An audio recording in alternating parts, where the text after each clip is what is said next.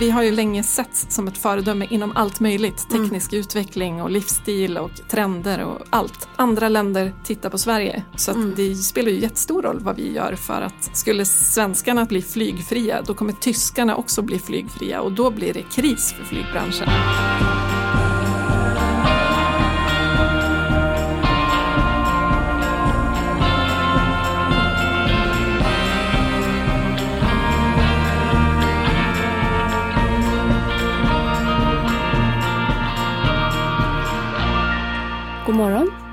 God morgon Elin.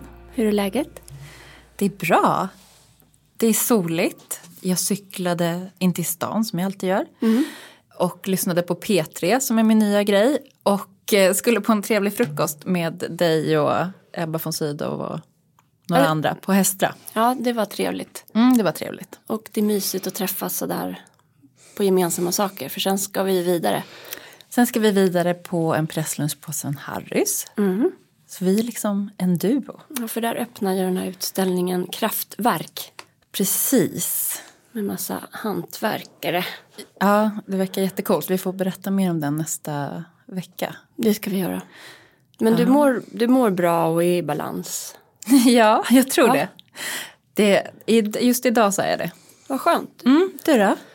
Jag, är också, jag mår också bra och är i balans. Men det, det pågår också.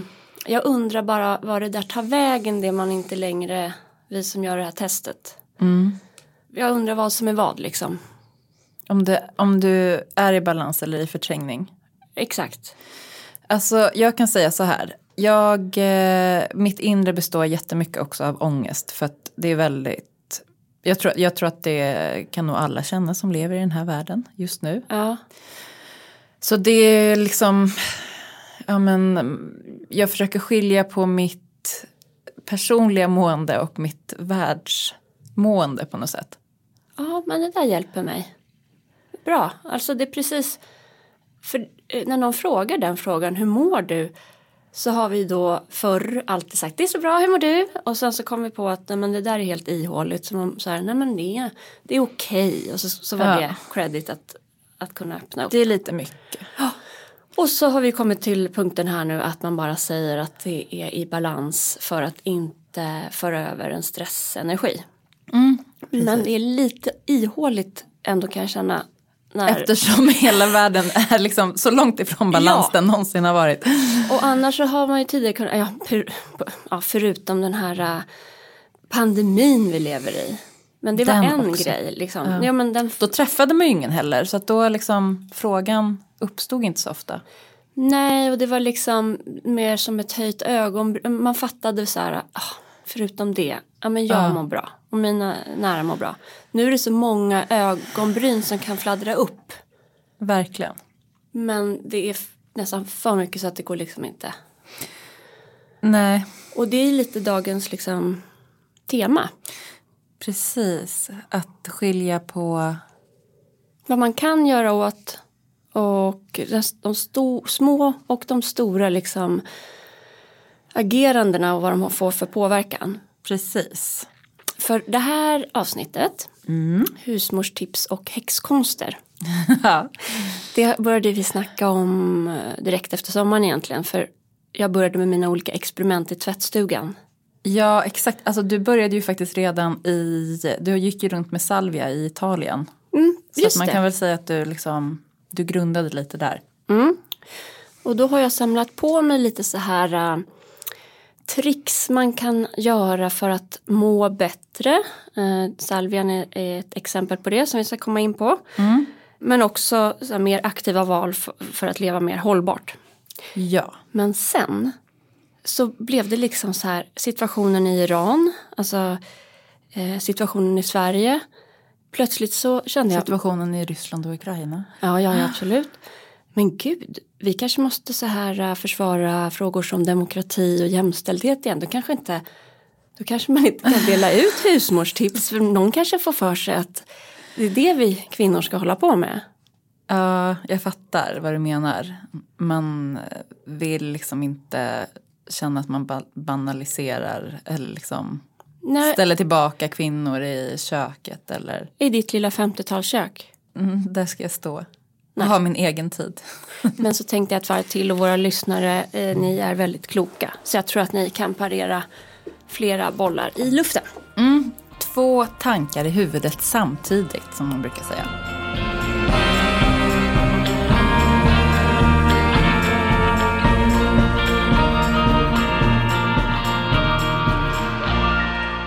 Tänker att vi börjar med mina tips. Ja, jag är jättenyfiken. Mm. Jag känner att du har faktiskt eh, kommit längre än mig där. Ja. Då är det första tipset vit salvia i bunt. Och det kan man köpa, antingen så kan du odla vit salvia. Mm.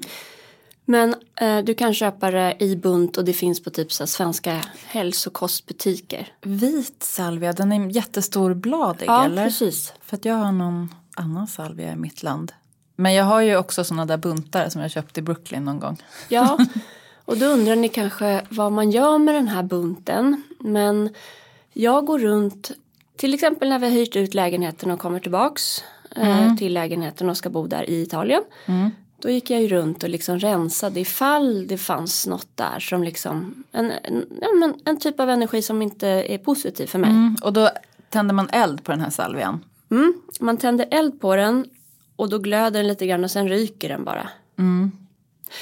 Och det finns ingen vetenskap som säger att det där fungerar. Men det fungerar ju, alltså om inte annat med placeboeffekten i mitt huvud. Av att jag har gjort ritualen. Tycker inte du att det luktar lite Mariana? Jo. Jo. Och det, vet du vad jag tror? Nej. Att det är en del av grejen. Va? Ett sätt Nej men alltså, att röka på utan att röka på.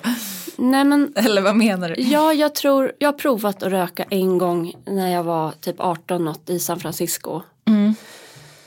19 kanske. Och jag bara grät och hånglade med en jätteful kille fast jag ville hångla med hans kompis. Alltså jag har ingen liksom, jag har ingen så, En riktigt dålig fylla. en riktigt dålig, alltså sunkfylla liksom. Jag var aldrig glad, jag fick ingen sån. Så att jag har ingen så här äh, romantiserad bild av droger. Inte jag heller. Men jag är ändå, det är något när det luktar uppeldad salvia, kanske Mariana som får mig att känna så här, yeah. Jag tycker faktiskt, nej jag går inte riktigt igång på doften Mariana. Jag känner att det luktar lite loser. Oj då. Men däremot salvia och själva, Ja. men själva liksom ritualen kan jag verkligen eh, uppskatta. ja, det är väl egentligen så att Alex, när jag har gjort det där, kommer och är liksom neggig. Och säger, oj då nu luktar det sådär igen. Väldigt snällt neggig. Han känner ändå- liksom inte den här renade energin. Nej, han känner nog också loser. eh, och, och, men jag skulle verkligen rekommendera dig att testa och se hur, vad det får för effekter på dig. Jag har också under eh, en del år nu eh, samlat på olika kristaller som jag sen aldrig kommer ihåg vad de betyder. Nej, kvarts, rosenkvart och sånt. Ja, och eh, bergskristall och sådär som också ska rena energier. Ja. Och det tycker jag om inte annat bara är väldigt vackert. Sen så kan man ju veta med kristaller att eh, det är ofta en väldigt smutsig industri. Ja. Så eh, vi får väl säga loppis där också.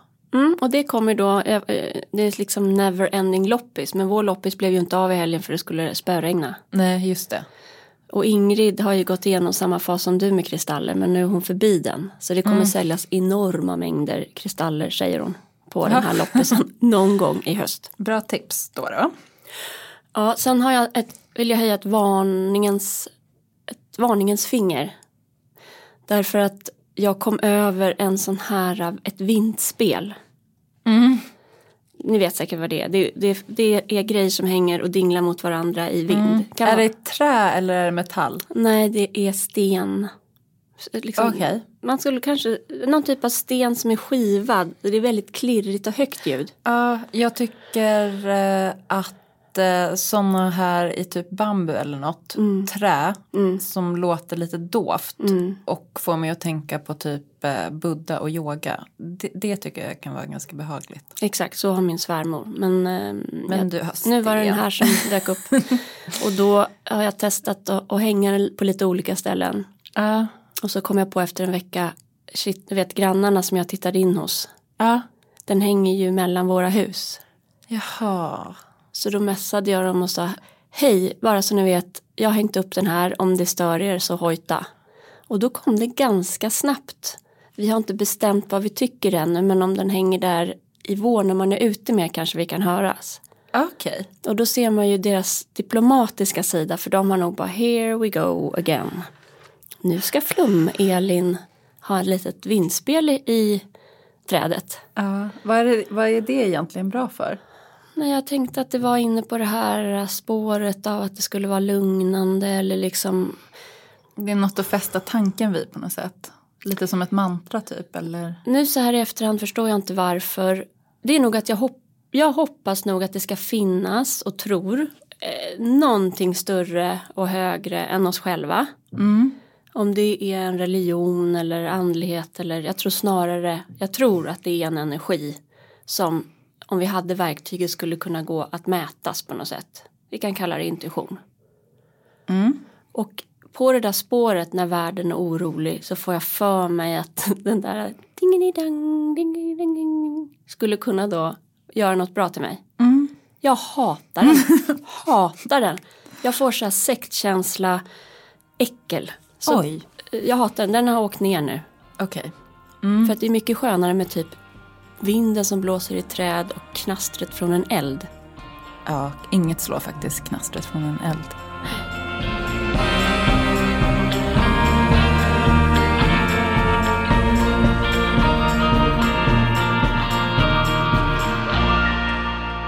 Det där var ju då kanske lite mer häxkonster. Mm. Får jag höra dina bästa husmorstips? Ja, mjukskölj. Det är säkert ingen som håller på med längre. Nej, det tror jag inte. Eller Men jag de- vet inte. men de står ju där på hyllorna. Ja, man känner ju lukten när man går förbi tvättstugor. Det luktar ju väldigt gott. Ja, man blir trygg. Känner du att du vill krypa in där? Typ? Ja. Ja, jag med. Men det gör man inte. Borde jättekonstigt. Men det är ju verkligen så omodernt. Mm. Men om man vill komma åt liksom effekten av att det ska bli mjukare och få, få bort den här eh, elektriciteten. Mm. Då kan man ju ha i ättika. Ättika, det är lösningen på typ allt känns det som. ättiksprit. Jag förstår att jag pratar till redan frälsta. En del av er och andra inte. Eh, och jag är där någonstans mitt emellan. Så nu, det är ättiksprit ska man ha i tvättstugan. Mm. Eh, och så kan man blanda det här eteriska drof, eh, doftoljor Ah. med det och så med vatten. Mm. Och så har man det i en flaska så putsar man i lite av det i varje tvätt. Mm. Allt sånt här finns. Till exempel på jordklok finns massa eteriska oljor och, eh, ättiksprit i storpack. Mm. Luktar det då liksom 70-tals flum mamma? Noll, det luktar lavendel just nu. Hemma hos mig. På kläderna. Mm. Så det är ett sånt. Sen var det galltvålstipset har jag ju haft så här äh, blandade känslor för för Varför mamma. det? Mamma var liksom, när galltvål typ kom så blev hon frälst och sen har hon tjatat om det där på ett sånt här sätt som att det ska kunna fixa allt. Ja. Så att jag har blivit lite tvärtom. Jag kan säga att första gången jag fick galtvålstipset så var det från en kompis som har liksom jobbat på stora modehus i Paris och eh, då jobbade på ett modehus i New York. Så jag känner att det är väldigt så här, trygg inside information, ta hand om eh, textilier, tips. Mycket mer än från en mamma egentligen. Mammor i och för sig de som tvättar jämt. Men typ om man har en visning och någon har spilt vin på den vita finalklänningen. Mm, vi då tar man pratar- fram gall, galltvålen. Det, vi pratar pengar här. Ja. att- jag vet inte. Jo, men jag jag tänker att det. man pratar också. Ja, ja men peng, peng och det ska vi komma in på lite senare tänker jag. Men peng är ju en enormt bra drivkraft. Ja det kan det vara. Ja, vi brukar inte använda galltvål utan gallsåpa som är bearbetad på något sätt.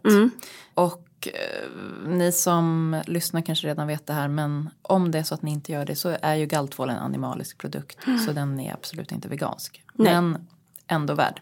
Och det jag ville säga är egentligen bara att galltvål kan vara ett komplement i tvättstugan. Och för mig ersätter den ännu inte Vanish. För oss, vi har kommit fram till att den här gallsåpan ersätter Vanish. allt. Ja. Okej, jag kanske den- får jobba vidare. Sen så vet ni ju att jag gillar att elda. Jag gillar ved. Och då eh, så är det absolut bästa såklart att använda bark eller liksom, vad heter det där, skalet? Näver. Näver. Never för att tända brasan. Men det finns ju inte alltid tillräckligt med never på, på sina små stockar. Så då tänkte jag, ja men här var det ju en smart så här, produkt. Kottar som typ är doppade i stearin eller någonting. Jaha. Värdelös produkt. Hatar de kottarna, köp inte dem. Nej. Gå inte på det. Och gå inte heller på de här andra. För det var så jag försökte liksom göra ett kliv från ett dåligt alternativ till något bättre. Ja. Att jag har lagt in såna här äh, tändpåsar. Vad är det då? I plast med vitt pulver i brasan. Men Det låter ju giftigt. Ja, jag vet inte. Men det känns verkligen, det känns som att jag stoppar in en, en, en schampoflaska och tänder på. Gud. Oh. Ja, det, det låter giftigt. Och då gick jag vidare till de här kottarna. Men nej, de, det blir inget av med det. Så skit i de kottarna. Mm. Behöver du bra eldningstips så ska du kolla in Koffertmannen på Insta.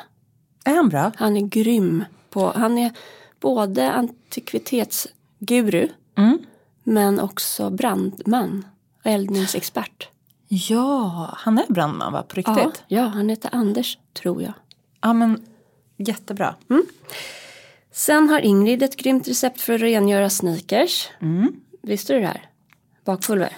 Alltså bakpulver det är ju det andra mirakelmedlet förutom ättikan. Exakt. Det är de två. Bikarbonat. Bikarbonat. Bikarbonaten också. eh, nej men hon, hon blandade med bakpulver, diskmedel, lite vatten och så tandborste. Det är som att de är helt nya. Ja. Och apropå bikarbonat. Dels har jag rensat avlopp med bikarbonat och ättika. Man får googla på vilka dimensioner det ska vara. Men min kompis och eh, möbelkollega Magda. Hon har kommit väldigt långt när det gäller de här naturliga alternativen.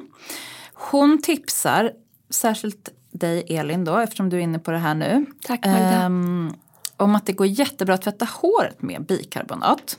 Mm. Man blandar cirka två teskedar bikarbonat i lite vatten och någon tesked honung.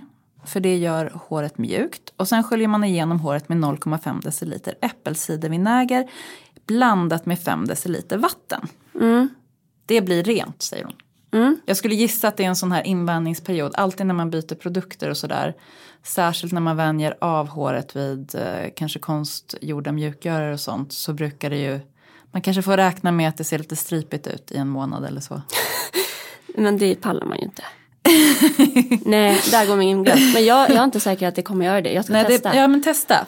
Det, det kan säkert, jag ska också testa faktiskt. Ett sista tips då från Magda också. Bivaxdukar istället för plastpåsar. För att slå in mat i Mm. Ja. kylen. Om och om igen. Mm. Diskar hon dem då? Jag tror att man kan skölja av dem. Nu tittar du oroligt ner. Jag tittar oro- oroligt ner här i telefonen. Hon har inte skrivit något om det men jag vet att man kan, man ska nog inte ha dem varma va? Jag tänker att det, det är något där, men jag är nyfiken på det. Mm. eh, För att det där, just sånt som man gör mycket av, förvaring, plast, eh, folie, eh, det vill, där behövs det något smartare. Ja, verkligen. Mm. Sen så ska jag prova Aleppo-tvål också för håret. Ja, Aleppo-tvål har Magda också jättemånga. Men men min kompis Cecilia hon eh, växlar, hon sa så här, jag växlar mellan så här lyxigt frisörsalonsschampo Mm. och typ Aleppo-tvål och äppelcidervinäger. Ja, men gud vad bra. Jag tyckte det lät som en bra mix. Ja. Alla de här tipsen jag gav nu, det är bara att googla, jag kan inga recept. Nej, vi kan, för jag som då ansvarar för vår Instagram kan ju försöka komma ihåg att lägga upp dem. Jättebra, jag kan mejla dig mina tips här till. Jättebra. Jo, ett sista är ju ved, detta vedämne. ja, men alltså, Hur jo, går det? Du köpte ju jättemånga kubik. från Värmland. Ja. Jo men så blev det torsdag kväll och han drack inte upp så jag trodde han ghostade mig. Jaha. Men då hade det skulle det komma i söndags. Ja. Det här är alltså ved jag hittade via Blocket, svensk torr björkved. Mycket bättre pris. Det är ju vedbrist i Stockholm. Precis.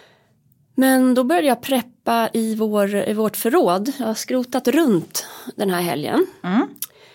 För att få plats med all ved. Och vad tror du jag hittar där bakom alla grejer som har köpts in i för stor kvantitet till renoveringen så vi bara sparar på massa saker som är... Apropå miljöångest. Exakt. Jag blir tokig. Vi har så mycket grejer där inne från bygget som hantverkaren köpte för mycket av och har bara lämnat. Så vi har ett betalt för det och två det bara står där. Ja, oh, gud, frustrationen. Ja, skit i det. Tittar åt sidan, hittar ja. Kubikmeter med ved i mitt förråd. Va? Från förra ägaren. Nej. Blåst av Värmland. Gud vilken present. Ja men när jag höll på med det där och jag pratade om det i podden så handlade det om det här med tid. Att det tar så lång tid att mm. liksom förbereda sig för att göra kloka och hållbara val. Ja, det har vi ju konstaterat. Att äh, även när man anstränger sig och köper sitt bivaxljus så har man ändå köpt fossila bränslen till du, slut. Du tycker att det är old news det här? Nej det tycker jag inte utan jag tycker att det är så här frustrationen lägger sig aldrig. Nej man, jag blir liksom helt tokig. Ja. Men då som av en händelse kom jag över en bok som Maria Soxbo har skrivit. Maria Soxbo, vår, vår säger jag, min gamla kollega kan man väl säga. Som har jobbat med magasin på olika platser. Ja, nu ser ni ju att eh, Kattis, eller ni ser inte det, men jag kan berätta vad som händer nu är att Maria sitter nämligen bredvid, bredvid oss, det är en glasvägg som skiljer oss. Så uh, Kattis, du växlar mellan att prata i micken och mot, ja, förlåt. mot Maria. Men ja. uh, jag tycker vi ska säga välkommen in till henne för det är vår gäst i det här avsnittet. Och den här boken heter Ställ om och har precis kommit ut på Norstedts förlag. Exakt. Välkommen Maria Soxbo. Välkommen.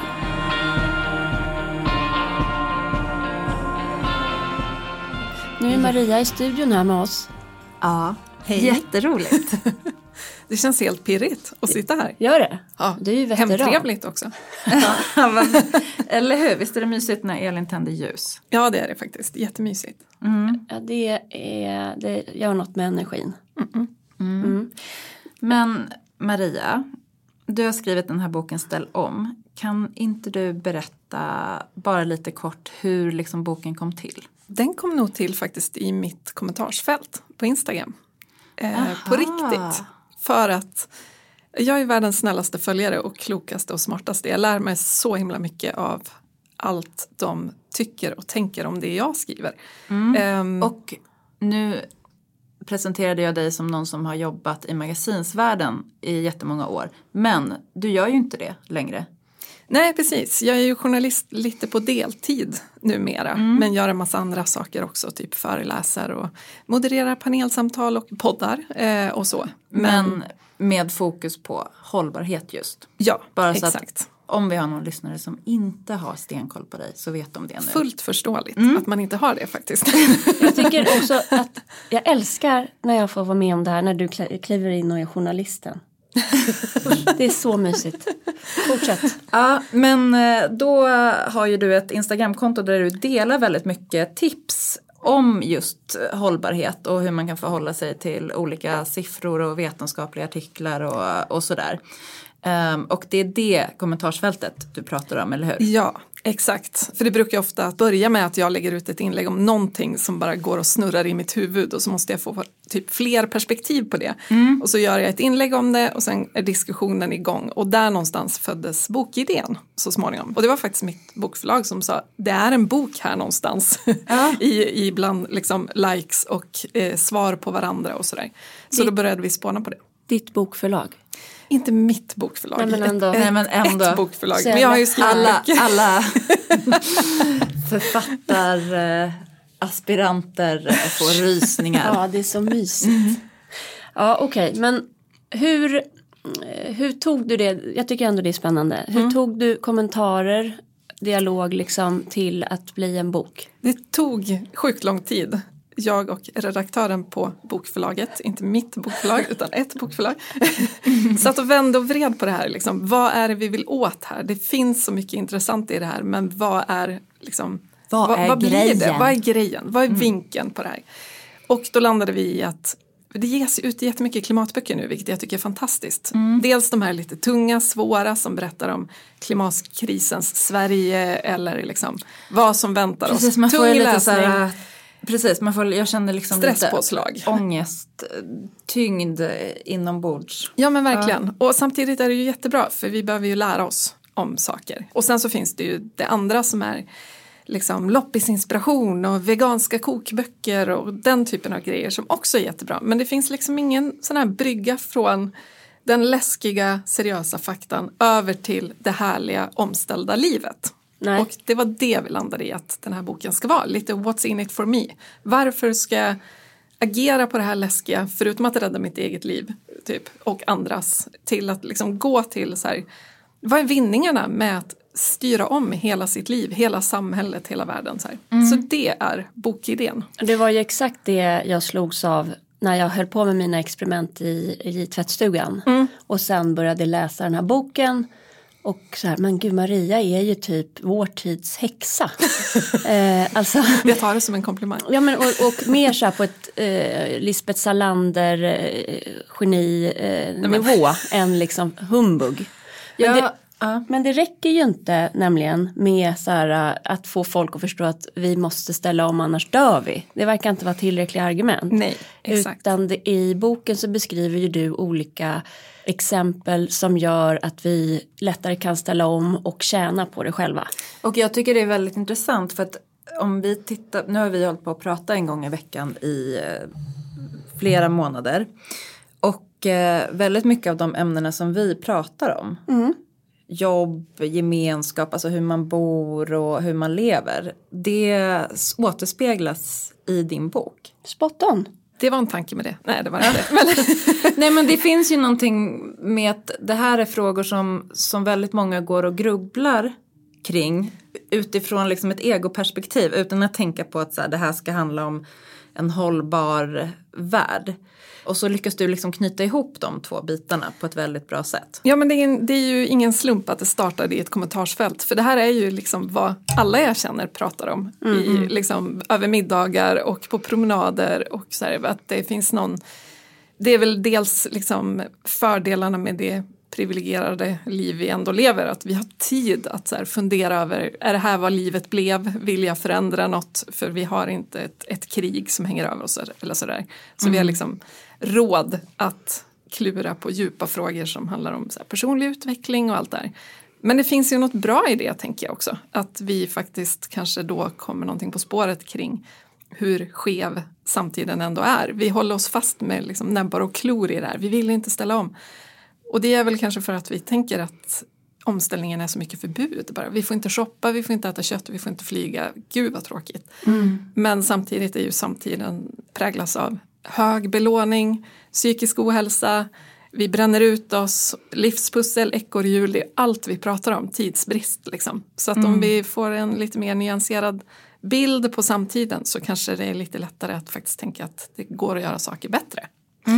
Men ge oss dina liksom bästa tips, både för eh, oss två Kattis och mig och våra familjer men också som liksom blir bra för jordklotet. Eh, ja, men det känns som att de två grejer jag har landat i, och nu blir det lite flummigt, det blir inte jättekonkret. Det känns som du vill ha en jättekonkret tipslista nu. Vi älskar flum.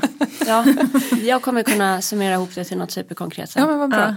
Eh, för att jag tror att det handlar om två saker. Det ena är eh, skapa mer tid i livet, alltså sänk tempot generellt. Och det är ju en, en handfull att ta tag i liksom.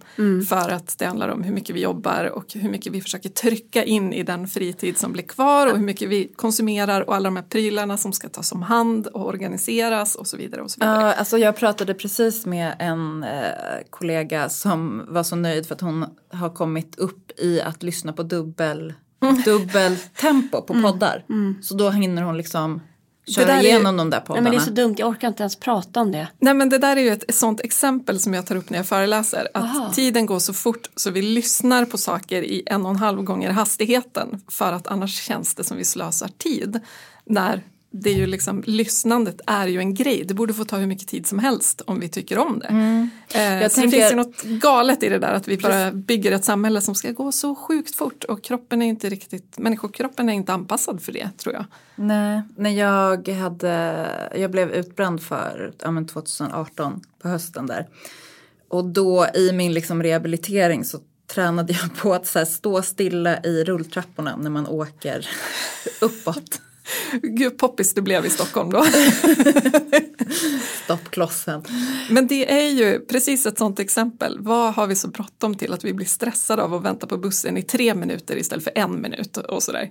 Ja. Det är ju någonting galet i det där och det är ju jättesvårt att ta tag i men jag tror eftersom så väldigt mycket av de ohållbara beslut vi fattar hänger på att vi inte tycker vi har tid. Det vill säga vi tar bilen till mataffären för vi har glömt att köpa mjölk och det är kanske åtta minuters promenad. Och så ska vi leta parkering så egentligen så tar det ju förmodligen lika lång tid att ta bilen men det känns som att det går fortare och så gör vi en onödig bilresa.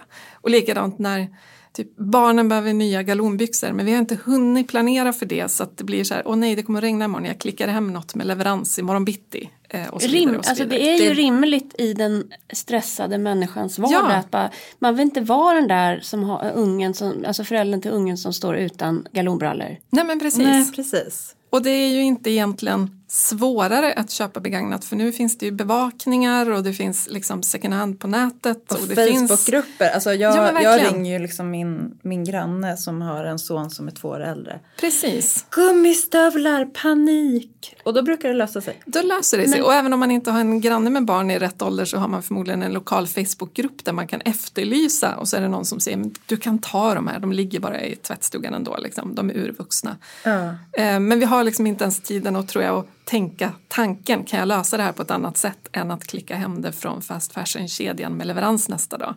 Och allting hänger på att vi liksom inte har tid. Så det Ja. tror jag är den första grejen, att allting måste gå lite långsammare så vi hinner tänka en tanke hela vägen. Typ. Men nu Elin, är det, ditt, nu är det din uppgift då, att ta det här till en konkret nivå. Eh, Precis, så, för jag gjorde ju exakt det här då, nu ska vi se, när köpte jag galonbrallor? Ja precis, eh, när eh, Olle skulle börja på förskolan. Då gick jag igenom alla kartonger, jag har märkt upp och sparat så fint men jag har givit bort allt vidare till någon annan. Och så kollade jag, eh, hyper eller något så här, jag skulle kolla, Hyber? ja, eh, hyra, låna, jag, kolla, jag gjorde allt det här. Men det fanns inte exakt hans storlek där och då och den skulle inte vara där imorgon bitti. Så då åkte jag till en kedja, köpte ett sånt där set och kände mig otroligt nöjd över att eh, jag efter så här fem barn nu kunde lämna ett barn med regnkläder en regnig dag. jag bara, ja där står Anton och är blöt. Olle är torr. Men Gud, jag har också varit då får hon man, som lämnar blöta barnet så många gånger. ja, någon måste vara hon också. Ja. Det Så är, alla andra kan må lite bättre. ja. Men hon kanske väntade på sina hyrgalonbrallor som nu har kommit. Alltså nu kände jag så här, varför har inte förskolorna då alla sätt i alla storlekar så att barnen bara kan liksom de kan bara återbrukas där år efter år efter år efter år. Lucia-linnen, kan vi införa det som en låda på alla förskolor så alla föräldrar slipper köpa något för en timme per år? Ja. Jag har så många lucianattlinnen. Alltså jag, det har jag en hel kartong på för min mamma hade, har sytt det av gamla lakan. Nej, gud vad mysigt. Ja, Men, men det är där ju vann tid. du där vann du liksom hela hållbarhetskampen. När Jo men det gäller enda Lucia. där är ju att de är lite genomskinliga. Men det är de ju alltid ändå. jo. Pyttelite. Jo men det är lite genant alltså. Uh, särskilt när du blir tonåring. Jaha. Ja. Så att jag vet inte. Men skit i det. Det vi skulle prata om nu hur man tar, hur Elin då nästa gång ska göra. Och jag tror, tänker jag, Ja. jag tror och tänker att den första är det här samtalet. Att jag tänkte på det där köpet efteråt. så att jag nästa gång inte gör så. Som med ved, för då hamnade det på min vedfråga. Att "Ja, jag måste köpa ved. Och så kollar jag på veden så här lite, bara, var kommer den ifrån? Baltikum? Vänta, det här är ju helkoko. Och jag tänker att det är det konkreta. Att de här valen som man kan välja lite bättre. Som kräver lite mer tid. Eh, håller du inte med mig? Att det är Ja liksom- men alltså att bara, för jag brukar ju säga när jag föreläser och sådär och så liksom märker man på folk att det finns väldigt mycket så här, men vilket material är bäst då? Hur ska jag veta? Hur ska jag, var finns informationen om jag nu vill vara en medveten konsument? Och problemet är ju att det är alldeles för komplext. Ja. Eh, naturmaterial är bra men marmor är inte förnybart så den dag vi har brutit det sista marmorblocket finns det ingen mer marmor. Bomull är också ett naturmaterial, det krävs jättemycket vatten och så vidare och så vidare. Och så finns det liksom ingen ände på hur många fast än med... Nej men liksom, precis, och sen så ska man lägga på ett socialt lager ja, där. exakt. Och liksom- transporter, närproducerat och ekologiskt och återvunnet och sådär. Och då brukar jag ju till slut bara säga, men det du ska köpa, om du köper det begagnat behöver du inte kunna någonting. För att då har du ju löst det. Det spelar ingen roll vilket material du köper. Köper du det begagnat, ja det finns vissa sådana här små undantag som att väldigt gamla filtar kan vara behandlade med DDT. Och, alltså det finns ju lite sådana där, men det är så mikroskopiskt lite jämfört med att försöka läsa på om nyproducerade grejer. Så jag brukar Jag bara säga, ju- begagnat är bäst, kör på det så behöver du inte läsa på. Jag har på mig en begagnad eh, typ polyester topp här. Då tänker jag så här Nu luktar det mikroplaster. Elin på Kattis. Jo men den luktar gott. För det, det där är Gud, jag var så man, rädd att du skulle säga. Nej men det där, du hade kunnat fått liksom med någons svett i, i det begagnade köpet. För det är ett sånt material. Jag vet. Den luktar Det är- gott. Ja. Men jag känner att det är bara eh, en tråd här nu. Eh, hur vi tog det till det konkreta. Då menar du att begagnat är ett sånt. Ja, men om man, om man på något vis lyckas hitta rutinerna som är andra hand i första hand. Ja. Eh, och hur man då löser det. Det finns ju liksom väldigt mycket du kan bevaka på Tradera och nästa galonstorlek redan nu. Och så Ja. dyker den upp och då köper du den även om Olle har ett halvår kvar innan han växer i den. Så ligger de där redo. Det är lite planering liksom. Lite planering och liksom komma in i nya vanor. För vi är så himla mycket vanedjur. Så har vi gjort saker på ett sätt väldigt länge då är det lite jobbigt att ställa om. Men när man väl har gjort det då är det ju en ny vana. Då är det inte svårt längre. Nej. Så det är ju det konkreta kanske att bara börja med något som alltid slutar med typ ett nyköp. Ja. Hur kan du ändra den vanan? Och så kan man prata med, med sina vänner för alla tampas förmodligen med samma problem. Ja. Och så hittar man en bra lösning tillsammans. Liksom. En sak apropå tid som du skriver om i boken det är ju skärmtid. Mm. Och eh, dels så är ju all skärmtid absolut inte dålig. Verkligen se, inte. liksom. Men att en halvtimmes mindre skärmtid per dag blir liksom flera veckor på ett år. Ja, precis. För att jag skriver just om att det har gjorts en stor undersökning med typ 30 000 personer eller något sånt som visar hur mycket ledig tid vi har när man tar bort sömn och laga mat och hygien och jobb och allt det här som vi måste göra. Hur mycket det blir kvar som faktiskt är fritid. Och där när jag liksom frågar en kompis här, hur mycket tror du du har? Hon bara, typ ingenting, 25 minuter. Alla har minst fyra och en halv timme har det visat sig i Vadå? den här undersökningen. Per vecka. Per dag. Fyra och en halv timme som inte ligger på något som du verkligen måste, måste göra. Nej. Men tre timmar av det här lägger vi då på skärmtid som egentligen inte är nödvändig. Det vill säga det är inte jobbmail eller kolla upp vad som ska till skolan nästa dag och sådär. Nej. Utan det är scrolla Instagram och läsa, i och för sig nyheter är ju bra men det är ju inte absolut nödvändigt. Du hade ju kunnat göra det på ett annat sätt. Så det finns ju väldigt mycket tid att ta av och om man då tänker sig att, ja men okej 30 minuter per dag, om jag lägger det på det vill göra men alltid säger att jag inte har tid, även om det är träna eller liksom oavsett vad det är, träna, odla, eh, hobby, snacka med vänner, gå en promenad, vad som helst, sova till, lite till. Då blir det fyra arbetsveckor på ett år. Det är som att ta tjänstledigt en månad för att lära sig att spela gitarr. Men gör du så? Eh, jag Ärligt. kämpar, nej jag lyckas inte. Eh, det är lite ironi att jag Bra. nu Bra, ändå skönt Typ. att höra. ja, nej men gud, den här boken är ju lika mycket riktad till mig som till någon annan. Mm. Jag behöver läsa den själv. Och jag skrev den också lite så här i utforskande syfte typ. För Mm. att jag vill hamna rätt i mina tankar. För jag tycker jag ständigt tampas med så här, vad, vad tycker jag är viktigt då? Mm. Vad ska jag lägga tiden på? Och det är jättesvårt. Så att nej, gud, jag lever inte perfekt och jag lever inte hållbart heller Mm. eh, på många sätt. Men jag tror inte heller, vi behöver inte fem perfekta människor, vi behöver jätte- jättemånga som går åt rätt håll. Mm. Eh, och jag tror också att det kanske är lite lättare att relatera till någon som inte är perfekt. Mm. Precis, för det, det kan jag känna liksom att man blir, att jag blir så här lite avskräckt av. Det är lite grann som nu när jag har köpt det här sommarhuset och ska in i byggnadsvårdsträsket. Att det känns som att så här, det, det finns någon slags polis som ska komma och säga åt mig att allt inte är perfekt. Men, men det enda jag vill göra är ju så gott jag kan under mina omständigheter just nu på något sätt. Ja men verkligen. För det är också min andra grej. Om det första var det här med tid. Det andra är lyft blicken. Fastna inte i de här små, små detaljerna som exakt vilken ved är den bästa veden. Det, det, det är liksom ett mörkt hål av Ja. ångest bara. Ja. Varje sånt här beslut, om varje, varje beslut måste bli perfekt, då kommer vi bli galna. Det är därför du är här, för jag bara lämnade tvättstugan, galtvålen och veden och bara kom hit, vi höjer blicken. Ja, ja exakt. Och där tror jag någonstans att vi har, jag kände själv att jag var på väg in i något sånt där plastbantningsträsk. Och så inser man att men vi bär ut en kasse med plast till återvinningsstationen varje, varje vecka minst. Ja. Det, är ju, det går inte att komma runt, jag Nej. kommer att bli galen. Och sen vad gör det för nytta om jag byter ut plastlådan som vi är müsli till en i glas? Alltså egentligen, vad gör det för skillnad? Ingen alls. Så där, jag tror att vi måste liksom göra så gott man kan med de stora grejerna. Äta mer vego, köpa mer begagnat, försöka Ja. hitta de vardagsrutinerna. Ja, och- Men inte sätta en etikett som är så här, jag får aldrig äta kött, jag får aldrig ta en taxi när Nej. det regnar, jag får aldrig. Det är Då- inte bra alltså. vi kommer att bli tokiga.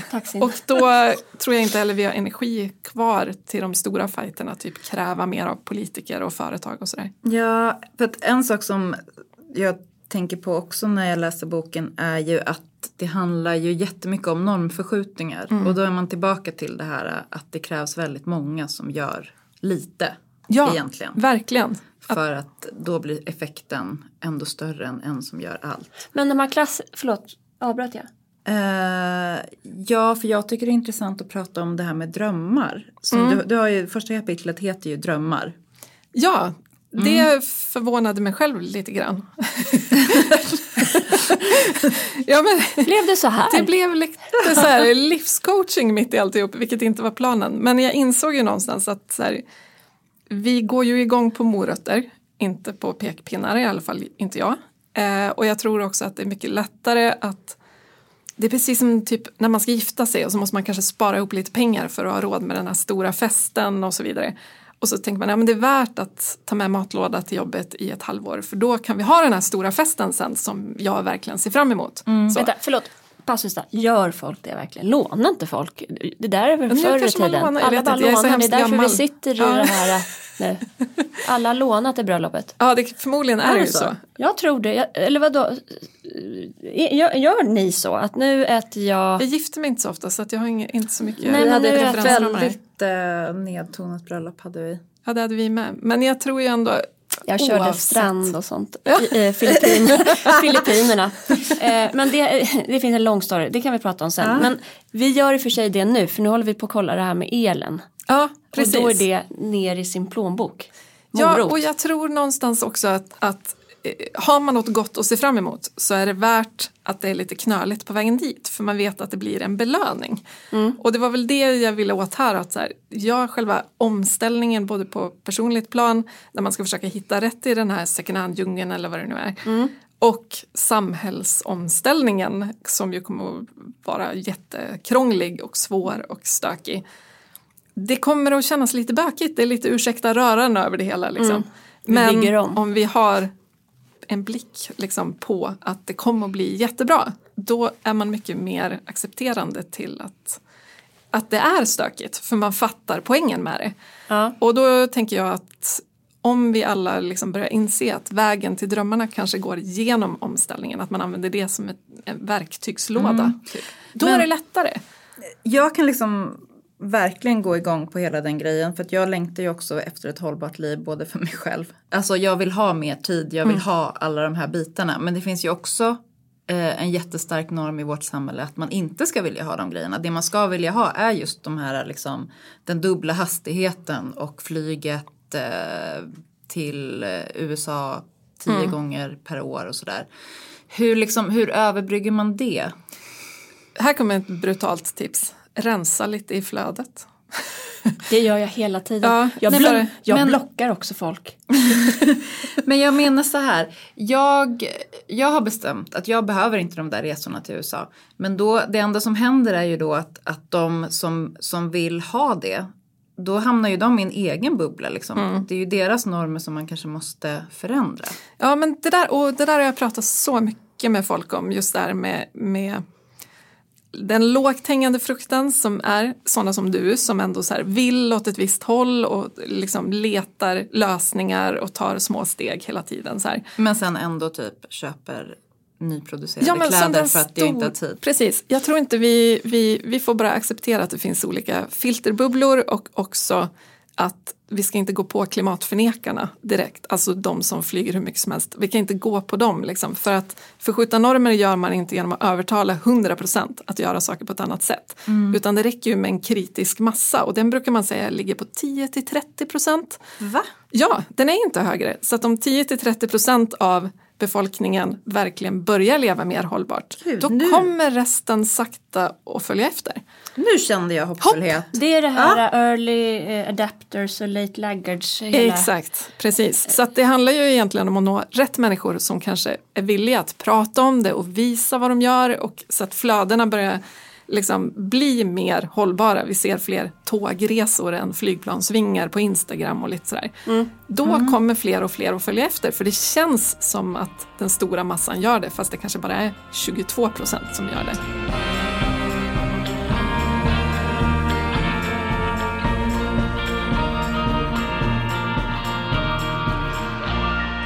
Jag har tre saker, sen måste vi runda av. Ja. Det ena är, eh, jag såg eh, kollegor, en kollega och hans fru. De är ute och reser nu, så hon har lagt upp massa bilder från typ Bahamas. Och jag kände, gud vad omodernt. Ja men då har det ju hänt något. Ja men tror ni att många gör det? Vad omodernt. Men gud varför lägger hon upp? Alltså det känns så här, gud vad 1982. Eller 2012. Ja eller, Eller 2021. 2018 typ. Det är den ena eh, som jag bara kan reflektera över själv att på det här spåret eh, har det liksom, det är en polett som har ramlat ner men så håller jag på att göra trial error hela tiden som med galonkläderna. Sen undrar jag, eh, Alex och jag pratar mycket om det här och då säger han att Nej, men ett argument som jag tycker många män kommer med liksom är vad spelar det för roll vad vi gör här när Kina är dåligt. Men enligt det du säger nu så spelar det jättestor roll. Ja men det gör ju det. Dels släpper ju den genomsnittliga kinesen ut mindre än den genomsnittliga svensken. Eh, och sen är det ju såklart jättestora industrier i Kina och det är kolkraft och så vidare. Men det är också vi som köper det som produceras i de där fabrikerna. Så att det spelar ju jättestor roll. Sen är ju Sverige också vi håller lite på att tappa den positionen nu tycker jag. Men vi har ju liksom länge setts som ett föredöme inom allt möjligt. Teknisk utveckling och livsstil och trender och allt andra länder tittar på Sverige. Så att det spelar ju jättestor roll vad vi gör för att skulle svenskarna typ bli flygfria då kommer tyskarna också bli flygfria och då blir det kris för flygbranschen. Så att vi ska ju se oss som att vi är det folk vill ha och då kan vi ju också styra någon slags eh, bild av vart vi borde åka. Gud vad, vad hoppfullt. Tyskarna vill verkligen ha oss. Sen eh, så undrar jag vad ditt så här, dirty pleasure är. Ost. Ost. Ost. och det är Alltså, inte bara det svensk ost. Ost är typ som kött, inte riktigt men det är ju samma, det är ju liksom samma kossa va, tyvärr. Ja. Och jag är, jag är så här, jag var en kött och potatismänniska när jag växte upp. Jag Ja. trodde aldrig jag skulle kunna bli vegetarian. Det var så långt bort i, liksom, det fanns inte på kartan. Nej. Och sen blev min son vegetarian. Ja.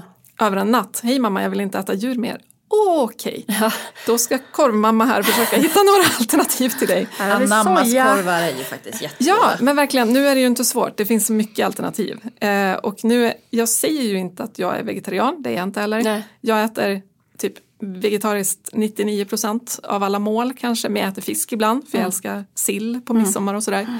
Det händer att jag äter kött när svärmor glömmer bort sig och ställer fram köttlasagnen, då är det bättre att vi äter upp den tänker Ja. jag.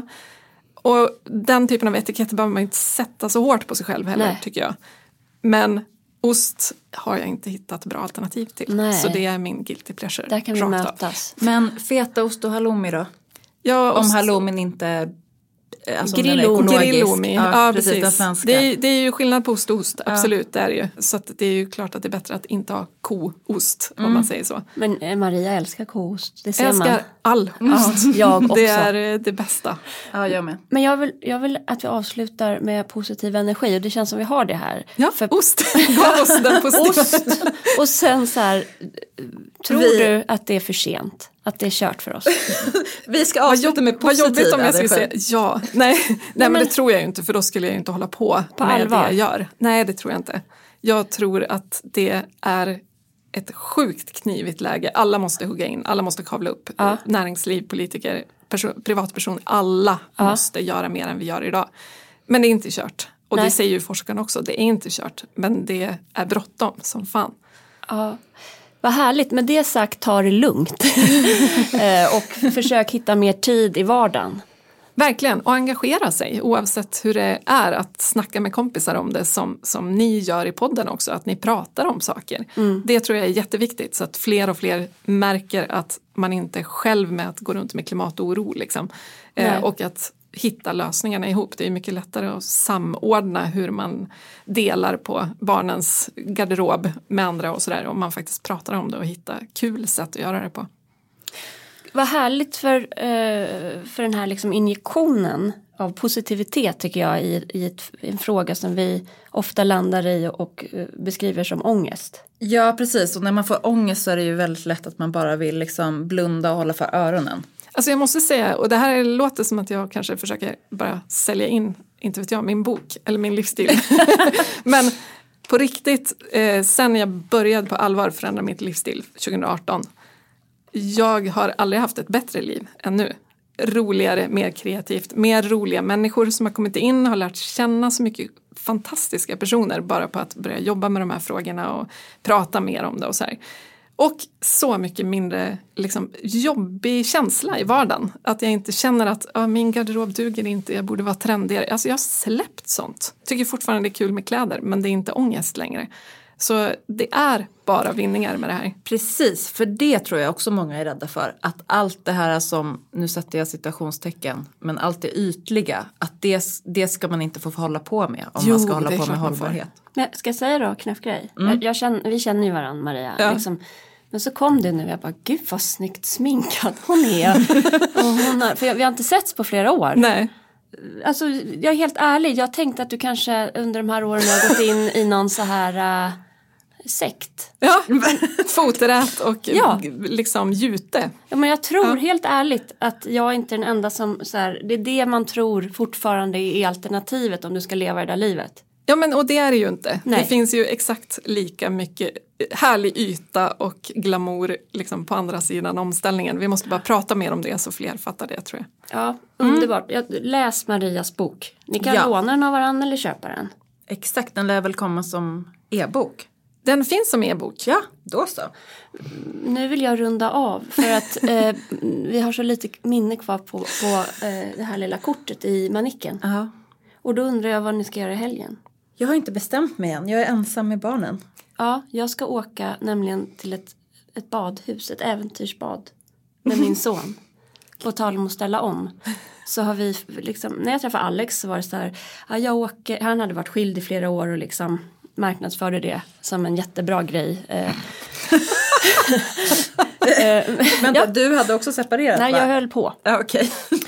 Men eh, hur som helst så sa han att egenresor är väldigt viktiga, att göra någonting bara vi. På tal om att förflytta normer. Så eh, det fanns en tid när vi åkte med våra barn på weekendresor, ett barn, och det var kvalitetstid. Men jag eh, kan inte göra sånt mer så nu ska vi åka till typ antingen ner i Västerås eller Eskilstuna på en kokpunkt och bada. Det här är det värsta jag kan tänka mig men jag gör det för kvalitetstiden för Ivar och mig. Det kommer ju bli jättemysigt. Det kommer att bli mysigt, ja. Jag tror det. Och sen har jag en annan grej som jag tänker på eh, som är min guilty pleasure. Djur. Ja, Eh, för att vi har nämligen mer kaniner hemma. Och Alex har inte sett det ännu och jag undrar hur lång tid det ska ta. Vadå, Har man inte det, märkt det det? är insmugglade kaniner? Ja men jag skulle googla på hö på Blocket, höhalm. För jag tycker att det är helt sjukt att jag ska åka till en zoobutik och köpa hö och halm per påse. Alltså jag vet ju hur det är där ute, bara någon mil utanför Stockholm ligger ju hölager. Och då stod det två väderskaniner ska omplaceras annars typ dödar vi dem. Så då har vi nu två, alltså väderskaniner, vet ni hur stora de är? och de här Som är en bara, katt. nej men de är större än mina.